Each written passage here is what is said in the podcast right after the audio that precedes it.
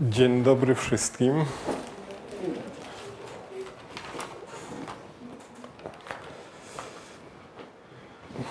Proszę mnie sprawdzić, czy wszystko, co powiem, czy to jest to, co jest zapisane w tej niesamowitej księdze. Chcę mieć ręce czyste, niesplamione krwią niewinną. Każdy z nas kiedyś stanie przed obliczem Boga i każdy sam indywidualnie zda sprawę za swoje życie. Jak słuchał i jak czytał. Czyli nie chcę złej wiadomości Wam przekazać.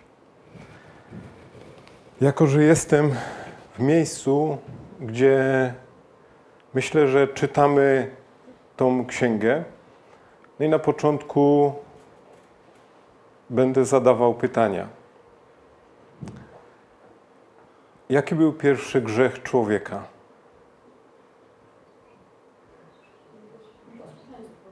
I to był problem?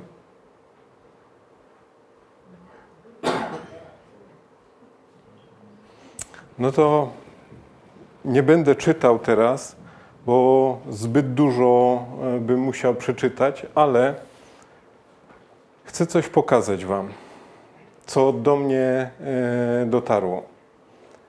Bóg jest Bogiem pełnej, dokładnej informacji, wiadomości.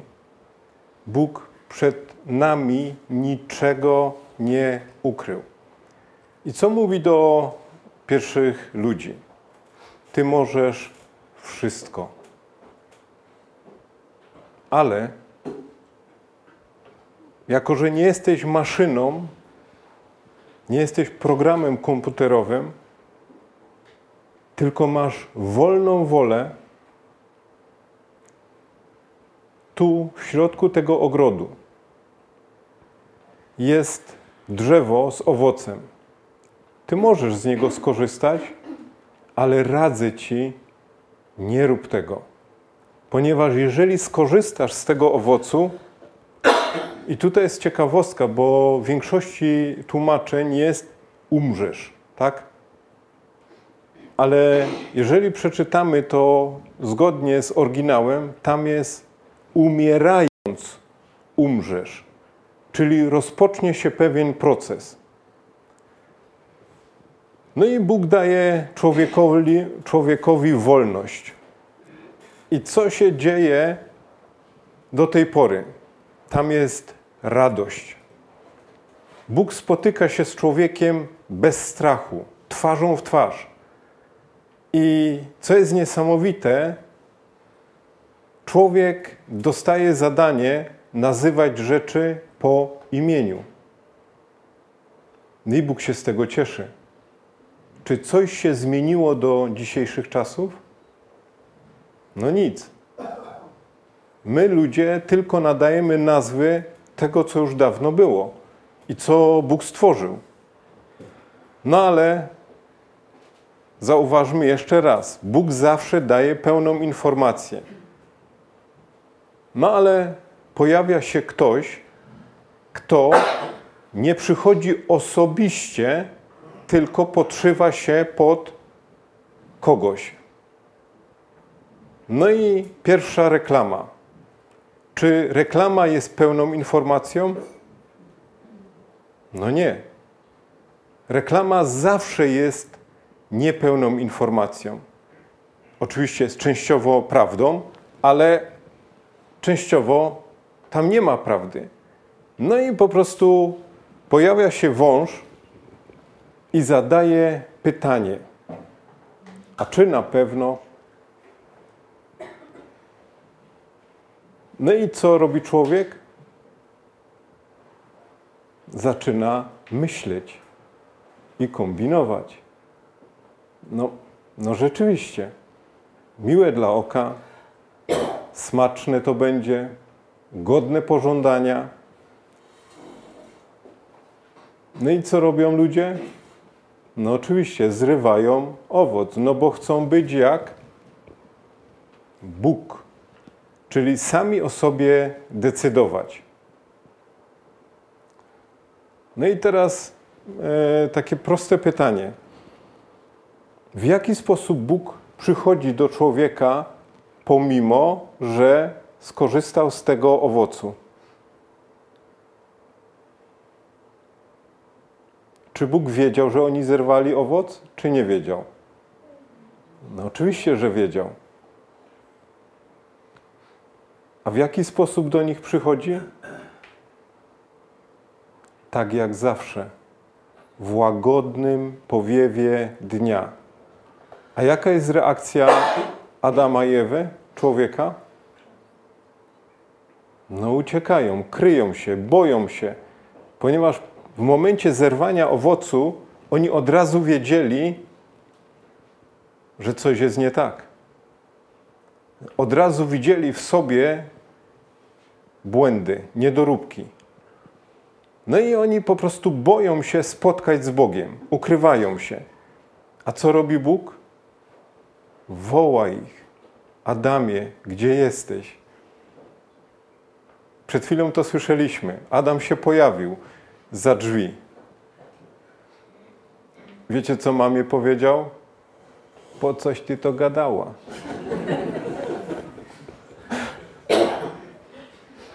Ale tu mamy sytuację, że Bóg wyciąga człowieka z krzaków i tutaj jest niesamowita rzecz, że każdy z nas zda indywidualnie odpowiedzialność przed Bogiem. Tam nie ma zbiorowej odpowiedzialności. Bóg zadaje pytanie najpierw Adamowi: Czy zerwałeś? Jaka jest odpowiedź Adama? Kobieta, którą ty mi dałeś, zerwała, zjadła, dała mi i zjadłem. Czyli kto jest winny? Ktoś powiedział ona, a ktoś powiedział Bóg. No właśnie, Adam oskarżył Boga. To ty jesteś winny, bo tyś mi taką dał. Bo wcześniej myśmy czytali, że Bóg dał Adamowi yy, kobietę, i co robi Adam w tym momencie? Wow! Kość z kości mojej, ciało z ciała mego. No tam jest wybuch radości. A teraz? No przecież ty mi ją dałeś. To ty jesteś winny. Co robi Bóg w tym momencie? Znowu pełna informacja. W pocie czoła będziesz pracował i wrócisz do prochu, z którego zostałeś wzięty. No i Bóg zadaje dokładnie to samo pytanie Ewie. Jaka jest odpowiedź Ewy? Wąż mnie zwiódł i zjadłam. Czyli kto jest winny?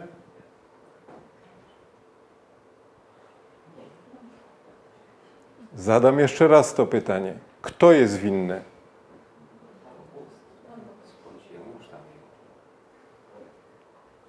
No, Ewa robi dokładnie to samo. Oskarża Boga o całe zło. Przecież Bóg stworzył wszystkie zwierzęta. Wcześniej można było przeczytać. Teraz rozumiemy, dlaczego szatan nie przyszedł osobiście, tylko podszył się pod stworzenie Boże? No właśnie. Adam i Ewa oskarżają Boga o całe zło na ziemi. No i mamy pełną informację i niepełną informację. W jaki sposób kończy się objawienie Jana, Apokalipsa? Ostatnia księga Biblii. Jakimi słowami kończy się ta księga? Jeżeli ktoś coś doda lub ujmie z tej informacji, to będzie mu dodane i ujęte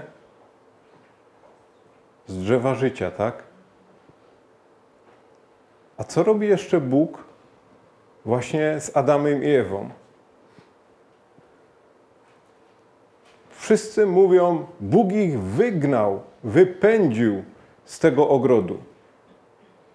Ale dlaczego Bóg ich usunął? Bóg ich nie wypędził. tylko usunął ich z ogrodu w akcie miłości do człowieka.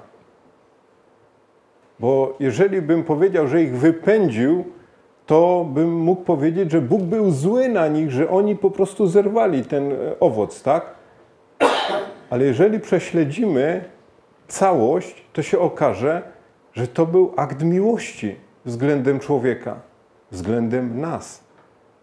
Dlaczego? Ponieważ w środku tego ogrodu było najważniejsze drzewo z najważniejszym owocem. Jakim? Drzewo życia wiecznego. Czy ogród był w dolinie, czy na równinie, czy w górze? Jak myślicie? No właśnie. Ogród Eden był na wzniesieniu, w najwyższym punkcie. I w tym najwyższym punkcie było najważniejsze drzewo życia wiecznego. Wszyscy mieli dostęp do tego drzewa, do tego owocu. Ale to drzewo nie zostało zareklamowane. Tylko drzewo obok było zareklamowane przez węża. I Bóg co mówi? Nie możecie tu zostać, bo jeżeli zerwiecie owoc z tego drzewa, będziecie na wieki oddaleni sprzed mojego oblicza. I co Bóg mówi do Ewy? Twój potomek zdepcze głowę węża, wprawdzie on go ukąsi, ale go zdepcze. No i Bóg jeszcze mówi do węża coś. Wprowadzam nieprzyjaźń między Tobą a jej potomstwem. Po brzuchu będziesz pełzał od tego momentu. I Bóg przeklina węża i ziemię. Bóg nie przeklął człowieka. I co robi jeszcze Bóg? Zabija zwierzę, okrywa Adama i Ewę, zabezpiecza ich na życie poza ogrodem i usuwa ich z tego ogrodu i zabezpiecza ich na życie poza ogrodem. To jest niesamowite. To jest pokazana niesamowita miłość Boga względem człowieka. Dlaczego musieli wyjść poza ogród? Dostali czas na przemyślenie, żeby co powiedzieć? Panie Boże, to nie Ty, tylko ja jestem winny. Także mamy pierwszą pełną i niepełną informację. Biblia apokalipsą kończy się nic nie dodawaj i nic nie ujmuj. A w jakim czasie są wszystkie święta Izraelu? Na początku miesiąca czy na końcu miesiąca?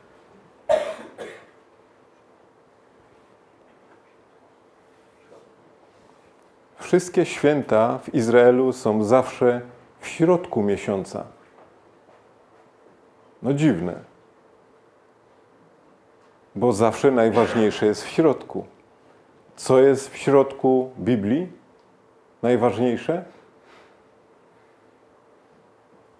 ukrzyżowanie. Na czym Pan Jezus zmarł? Na krzyżu, na drzewie.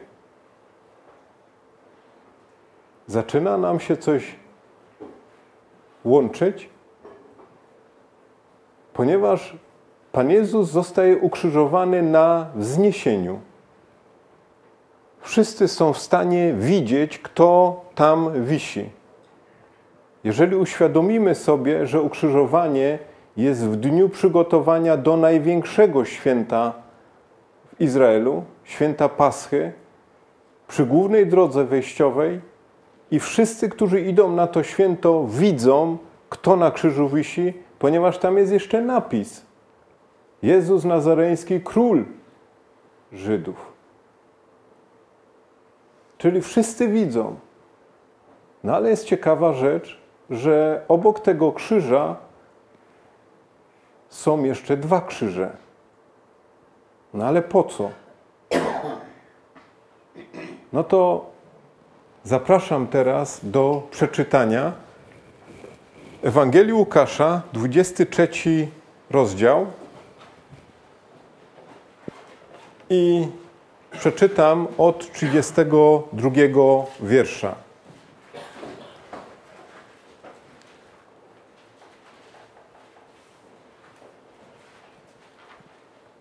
Czytam z przekładu dosłownego. Prowadzono też innych dwóch złoczyńców, aby ich stracić wraz z nim. Gdy więc przyszli na miejsce zwane czaszką, tam ukrzyżowali jego i złoczyńców. Jednego z prawej, a drugiego z lewej strony. A Jezus mówił: Ojcze, odpuść im, bo nie wiedzą, co czynią. Dzieląc się zaś jego szatami, rzucali losy. A lud stał i patrzył. Przełożeni zaś szydzili i mówili: Innych ratował, niech uratuje siebie. Jeśli jest synem Chrystusowym, tym wybranym, wyśmiewali go też żołnierze, którzy podchodzili i przynosząc mu kwaśne wino, mówili: Jeśli ty jesteś królem Żydów, uratuj siebie. Widniał bowiem nad nim napis po grecku, łacinie i po hebrajsku. To jest król Żydów. Wtedy jeden z powieszonych złoczyńców zaczął mu urągać. Czy nie ty jesteś Chrystusem? Uratuj siebie i nas.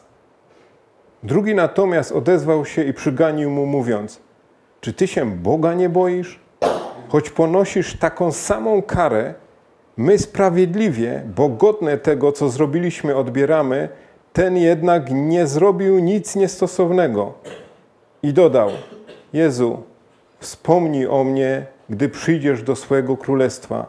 I powiedział mu: Zapewniam cię, dziś będziesz ze mną w raju.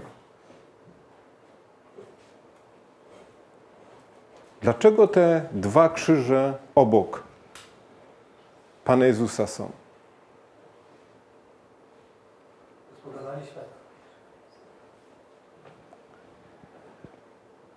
To drzewo w raju, z którego skorzystali, to był owoc poznania dobra i zła. A tutaj mamy też dwa krzyże, dobra postawa i zła postawa. No i teraz pytanie. Co robi ten pierwszy człowiek wiszący na krzyżu? Mówi dokładnie to, co mówi cały dookoła tłum. Oskarżają dalej Boga. Poddają wątpliwość Pana Jezusa. A jak jest ze mną? Czy robię i mówię to, co tłum? Zastanówmy się, ponieważ jeżeli zrozumie, co się stało w raju, to jeżeli ja coś powiem przeciwko drugiemu człowiekowi lub pomyślę źle o kimś, to tak czasem nie oskarżam Boga, po coś go takiego stworzył. Dlaczego ty w ogóle stworzyłeś takiego człowieka? Przecież on mi tyle krzywdy narobił, tyle złami wyrządził. Przecież on mnie kopnął w kostkę.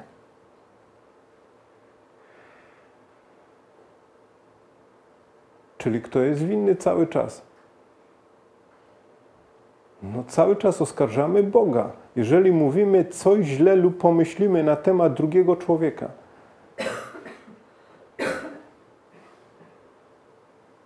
A jaka jest druga postawa drugiego człowieka? Czy ty się Boga nie boisz? Choć ponosisz tę samą karę, my sprawiedliwie, bo godne tego, co zrobiliśmy, odbieramy. Ten jednak nie zrobił nic niestosownego. Panie, wspomnij na mnie. Przebacz.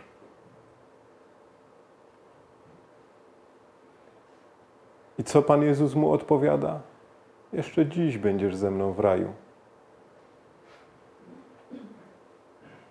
Chcemy być w raju?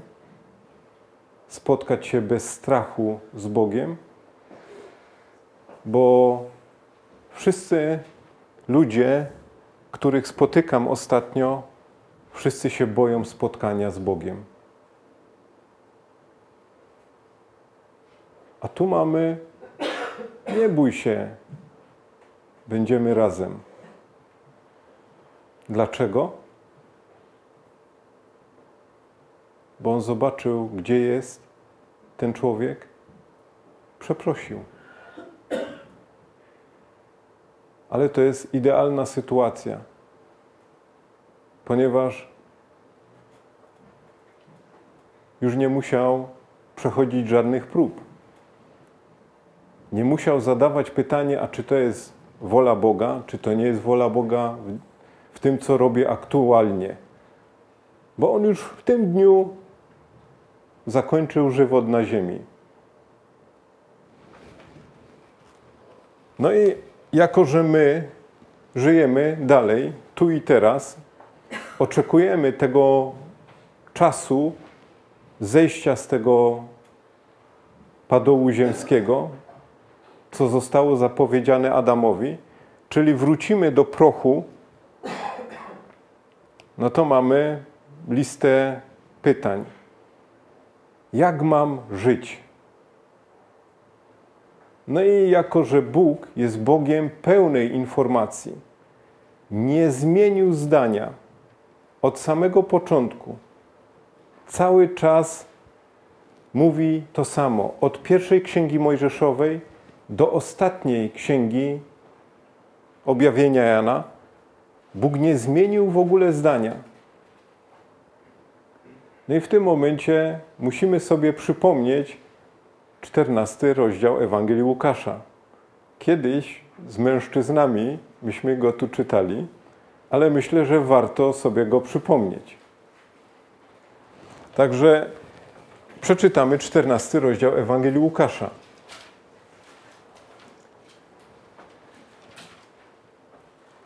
I stało się, gdy w szabas wszedł do domu jednego z przywódców faryzeuszowych, aby spożyć posiłek, a oni uważnie go śledzili. Że oto był tam przed nim pewien człowiek cierpiący na puchlinę wodną. Wtedy Jezus odezwał się i powiedział do znawców prawa i pozostałych faryzeuszów, czy wolno w szabas uzdrawiać, czy nie. Lecz oni milczeli. Wówczas przygarnął go uleczył i odesłał, a do nich powiedział: Kto z was, jeśli mu syn lub bydle wpadnie do studni, nie wyciąga go natychmiast, nawet w dzień szabasu, i nie byli w stanie temu zaprzeczyć. Gdy spostrzegł, jak wybierali pierwsze miejsca, opowiedział zaproszonym taką przypowieść. Jeśli jesteś przez kogoś zaproszony na wesele, nie zajmuj pierwszego miejsca, by nie okazało się, że wśród zaproszonych przez niego jest ktoś ważniejszy od ciebie. Ten, który zaprosił ciebie i jego mógłby podejść i powiedzieć do ciebie: Ustąp temu miejsca, i wtedy ze wstydem będziesz zajmował miejsce na końcu. Lecz gdy jesteś zaproszony, idź, zajmij ostatnie miejsce, aby kiedy przyjdzie ten, który cię zaprosił, mógł powiedzieć do ciebie: Przyjacielu, przesuń się wyżej. Wtedy spotka cię zaszczyt wobec wszystkich zasiadających wraz z tobą każdy bowiem, kto, cię, kto się wywyższa, będzie poniżony, a kto się poniża, będzie wywyższony. Zwrócił się też do tego, który go zaprosił. Gdy urządzasz śniadanie lub wieczerze, nie wołaj swoich przyjaciół, ani swoich braci, ani swoich krewnych, ani bogatych sąsiadów, żeby cię czasem i oni w zamian nie zaprosili. i stałoby się to Twoją odpłatą. Lecz gdy urządzasz przyjęcie, zwołuj ubogich, ułomnych, kulawych, niewidomych i będziesz szczęśliwy, bo nie mają dla Ciebie nic w zamian, odpłacone Ci będzie podczas zmartwychwstania sprawiedliwych. Gdy usłyszał to jeden ze spoczywających przy stole, powiedział do niego: Szczęśliwy każdy, kto będzie jadł chleb w królestwie Bożym. A on mu powiedział: Pewien człowiek urządzał wielką wieczerzę i zaprosił wielu. W godzinie wieczerzy posłał swojego sługę, aby powiedział zaproszonym: Przychodźcie, bo już jest gotowe. Wówczas wszyscy, jak jeden, zaczęli się wymawiać. Pierwszy powiedział: Kupiłem pole i mam obowiązek wyjść je zobaczyć. Proszę cię, miej mnie za wytłumaczonego. Drugi powiedział: Kupiłem pięć jarzm bydląt i idę je wypróbować. Proszę cię, miej mnie za wytłumaczonego. Inny powiedział: Pojąłem żonę i dlatego nie mogę przyjść. Sługa przybył i doniósł o tym swojemu panu. Wtedy pan domu, rozgniewany, powiedział do swojego sługi: Wyjdź prędko na placy uliczne miasta i sprowadź tu ubogich, ułomnych, niewidomych, kulejących. I sługa powiedział: Panie, stało się jak rozkazałeś, a jeszcze jest miejsce. A pan powiedział do sługi: Wyjdź na drogi między ogrodzenia, przymuś, by weszli, aby mój dom był zapełniony. Mówię wam, bowiem, że żaden z tych zaproszonych ludzi nie skosztuje mojej wieczerzy. Gdy zajszły za nim liczne tłumy, obrócił się i powiedział do nich: Jeśli ktoś przychodzi do mnie, a nie ma w nienawiści swojego ojca, matki, żony, dzieci, braci, sióstr, a także swojej duszy, nie jest w stanie być moim uczniem. Kto nie dźwiga swojego krzyża, a idzie za mną, nie jest w stanie być moim uczniem. Kto bowiem z Was, chcąc zbudować wieżę, najpierw nie usiądzie i nie obliczy kosztów, czy ma na wykończenie, aby czasem, gdy położył jej fundament, którzy to e, położył fundament, a nie mógł dokończyć, wszyscy, którzy to widzą, nie zaczęli go wyśmiewać, mówiąc: Ten człowiek zaczął budować, lecz nie mógł dokończyć. Albo który król, gdy wyrusza, by zetrzeć się w walce z innym królem, nie usiądzie najpierw i nie naradzi się, czy jest w stanie w 10 tysięcy zmierzyć się z tym, który wyrusza przeciwko niemu z dwudziestoma tysiącami. Jeśli zaś nie, to gdy tamten jest jeszcze daleko, wysyła poselstwo i zapytuje o warunki pokoju. Tak więc każdy z was, kto, nie pozostawia wszystkiego, co do niego należy, nie może być moim uczniem. Dobra jest sól, jeśli zaś i sól zwietrzeje, czymże jest przyprawiana? Nie nadaje się ani do ziemi, ani do nawozu, wyrzucają ją na zewnątrz. Kto ma uszy do słuchania, niechaj słucha. Co myśmy wysłyszeli? Co w tym rozdziale jest centralnym punktem?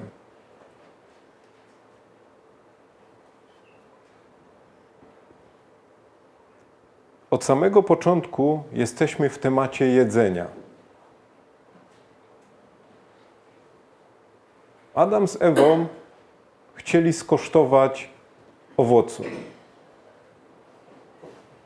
Tutaj centralnym punktem tego rozdziału jest wieczerza w niebie. Chcemy się spotkać z Ojcem bez strachu na wieczerzy? No to początek tego rozdziału pokazuje, jaka ma być moja postawa, żeby na tej wieczerzy się znaleźć. A druga część tego rozdziału pokazuje, co trzeba zrobić, żeby się na tej wieczerzy nie znaleźć. Proszę sobie to w domu na spokojnie przeczytać. Od samego początku, co trzeba zrobić, żeby na wieczerzy się znaleźć?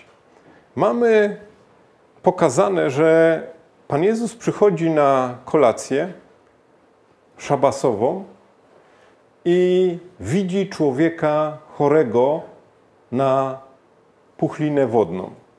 Jest to choroba, którą normalnie widać, że ten człowiek jest chory. No i my tu mamy obraz, że mamy pomagać pomimo szabasu, czyli e, dnia wolnego od pracy, no bo tu jest mnóstwo ludzi, którzy śledzą Pana Jezusa, czyli są obserwatorami. No i Pan Jezus im, znawcom prawa, zadaje to pytanie, czy wolno dobrze robić, czy nie wolno dobrze robić w tą sobotę. No i so jest cisza. Ale jak to przełożyć na dzień dzisiejszy? Widzisz kogoś w potrzebie? My przeważnie mamy w głowie zakodowane, że trzeba pomagać ludziom biednym, potrzebującym, leżącym gdzieś tam w nieprzyjemnych warunkach. Tak, mamy pomagać tym osobom też. Ale czy widzimy chorobę w drugim człowieku, który jest bogaty, majętny, a dzisiaj właśnie ci ludzie najbardziej potrzebują pomocy. Ci ludzie dzisiaj są najbardziej wystraszonymi ludźmi. W ostatnim tygodniu spotkałem czterech moich przyjaciół, mężczyzn, w dojrzałym wieku. Znam ich ponad 20 lat. Widzieliście kiedyś dorosłego mężczyznę 60-letniego, który płacze?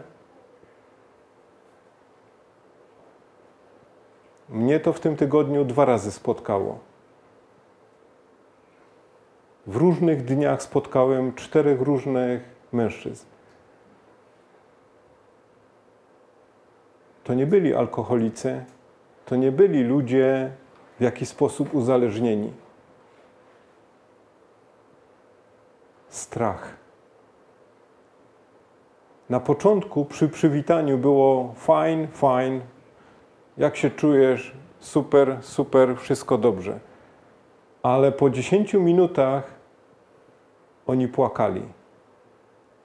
Ja się o to nie prosiłem, ja nic nie powiedziałem.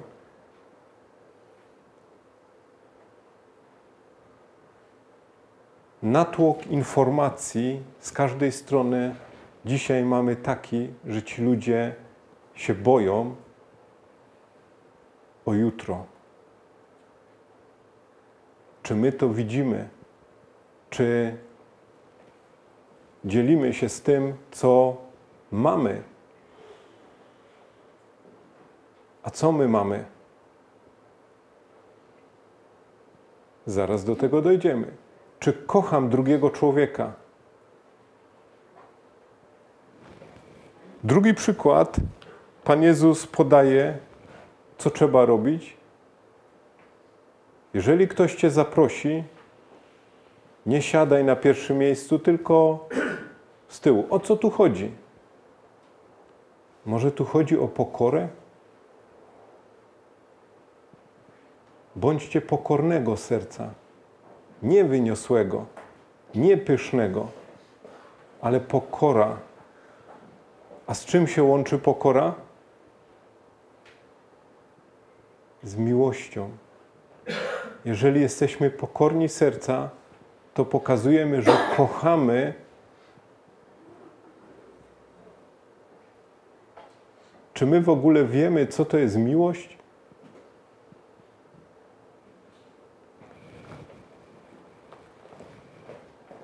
Następny przykład Jeżeli zapraszasz kogoś, to nie zapraszaj Twoich najbliższych, tylko zaproś tych, którzy nie mają Ci czym oddać.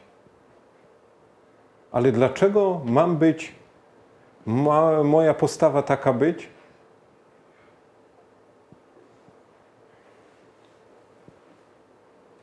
Słuchajcie, dzisiaj rano zobaczyłem coś. Czym dla ludzi współczesnych jest szczęście? Moje, moje, moje. Mieć, tak? Posiadać. A tutaj jest ciekawa sytuacja.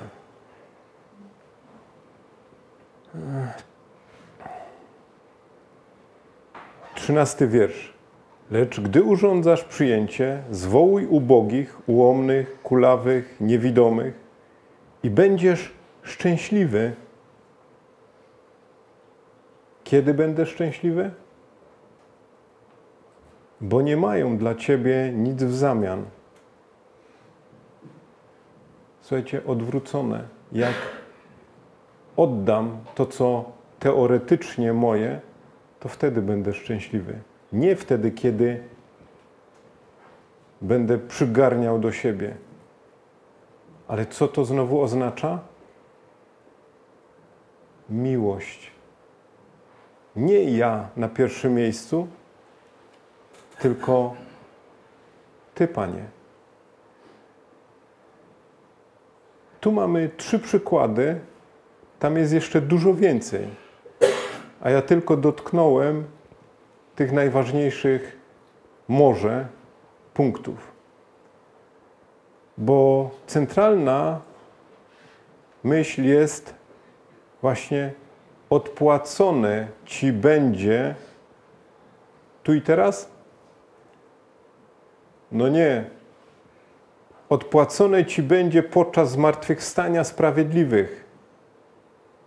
Kiedy? No na tej kolacji w niebie.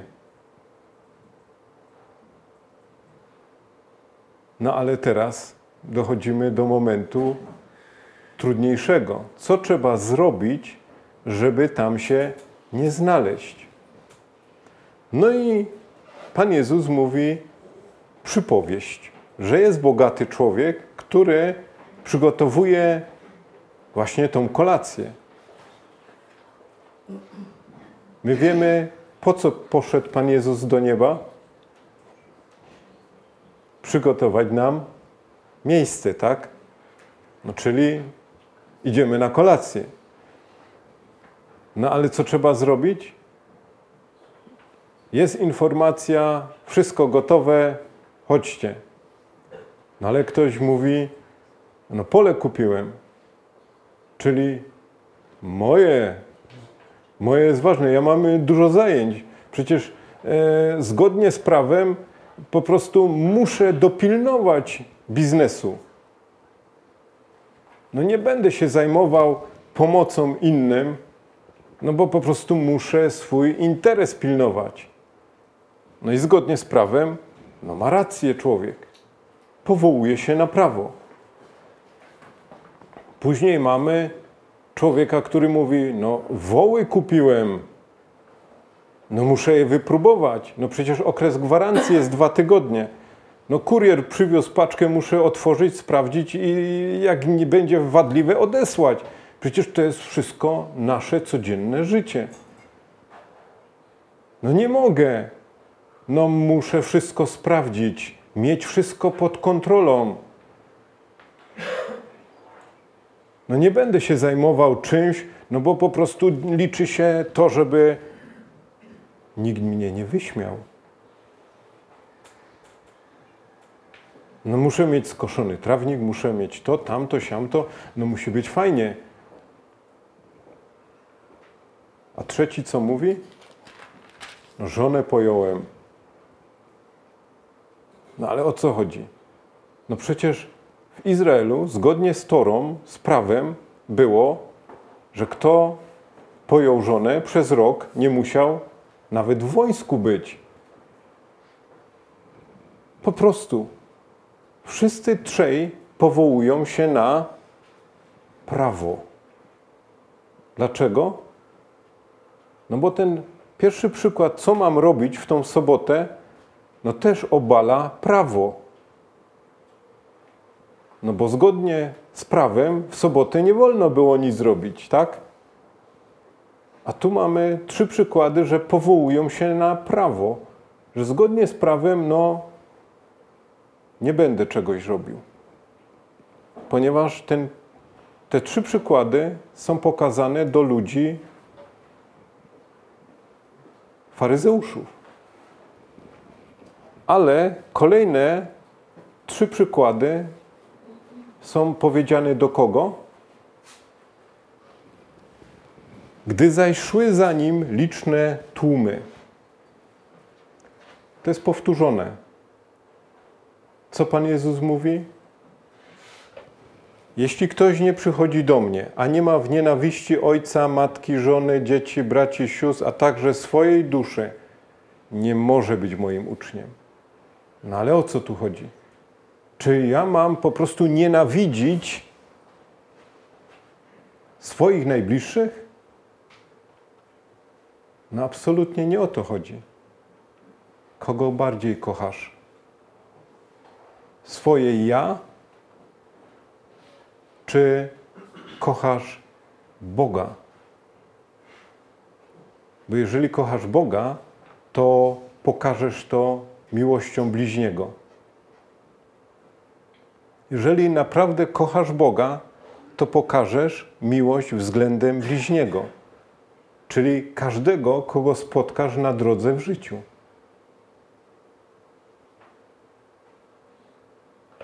Bo jeżeli tego nie zrobisz, nie powołuj się na prawo, że masz obowiązek opiekować się dziećmi, żoną, kimkolwiek. Po prostu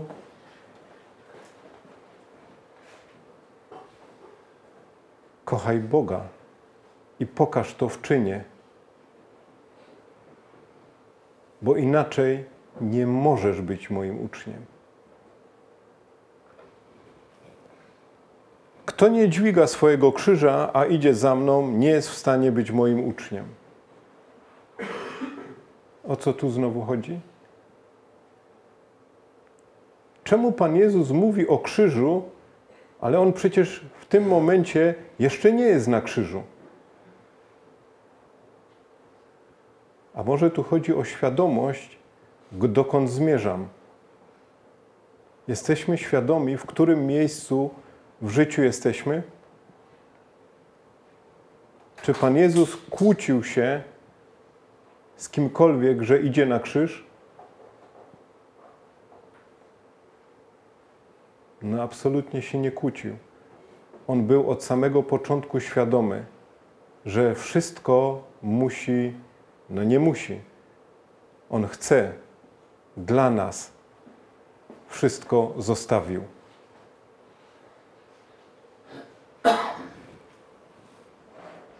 Kto bowiem z Was chce zbudować wieżę, najpierw nie usiądzie nie obliczy kosztów. No przecież to są podstawy chrześcijańskiego życia. Ja muszę mieć wszystko policzone. Ekonomia życia.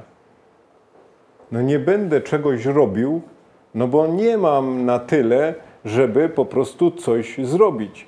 No bo jak zacznę, a nie skończę, no to wszyscy się będą śmiali. Znowu widzę jakieś tłumy w tle które szydzą.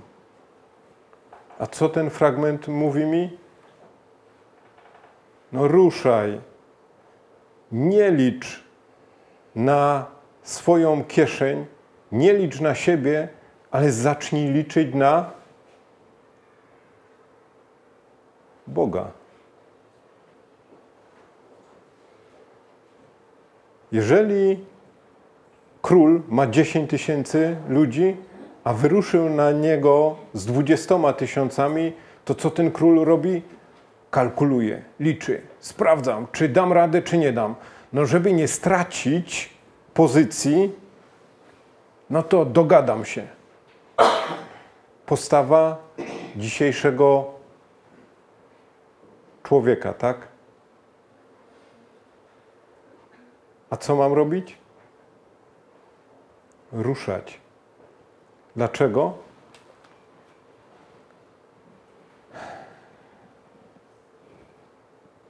Tak więc każdy z Was, kto nie pozostawia wszystkiego, co do niego należy, nie może być moim uczniem.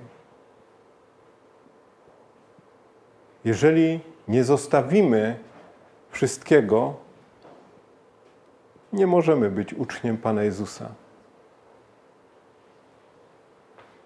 No ale tu kończy się ten fragment jakąś solą. Czy sól wietrzeje? Wietrzeje sól, czy nie? Błędną. A co trzeba zrobić, żeby to sprawdzić?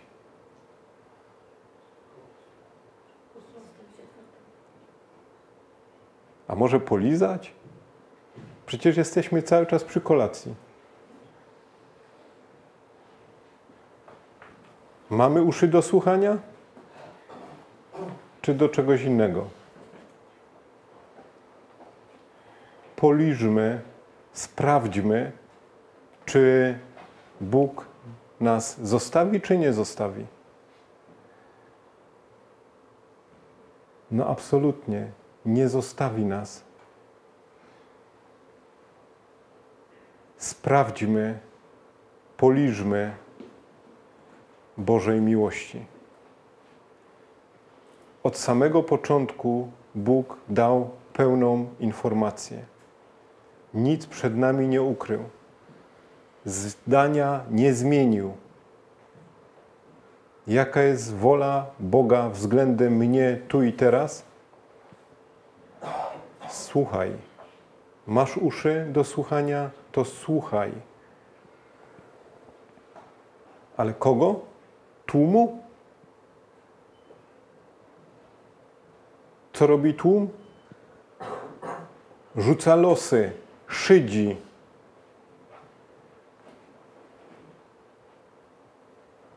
A co Bóg mówi? Kochaj, przebaczaj, bądź litościwy, bądź miłościwy, bo ja taki jestem.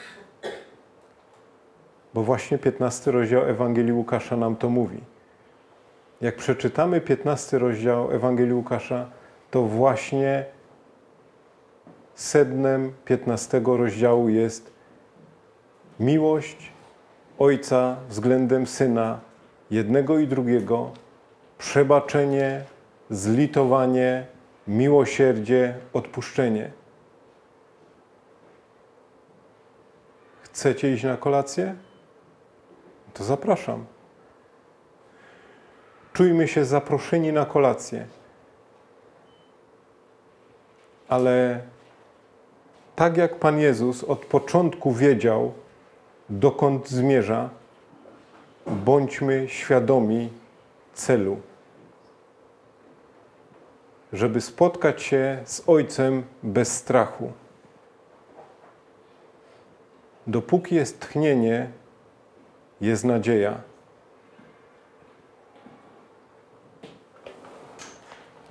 Proszę mnie sprawdzić w tym momencie, czy to, co Wam powiedziałem, czy jest zgodne z tą księgą.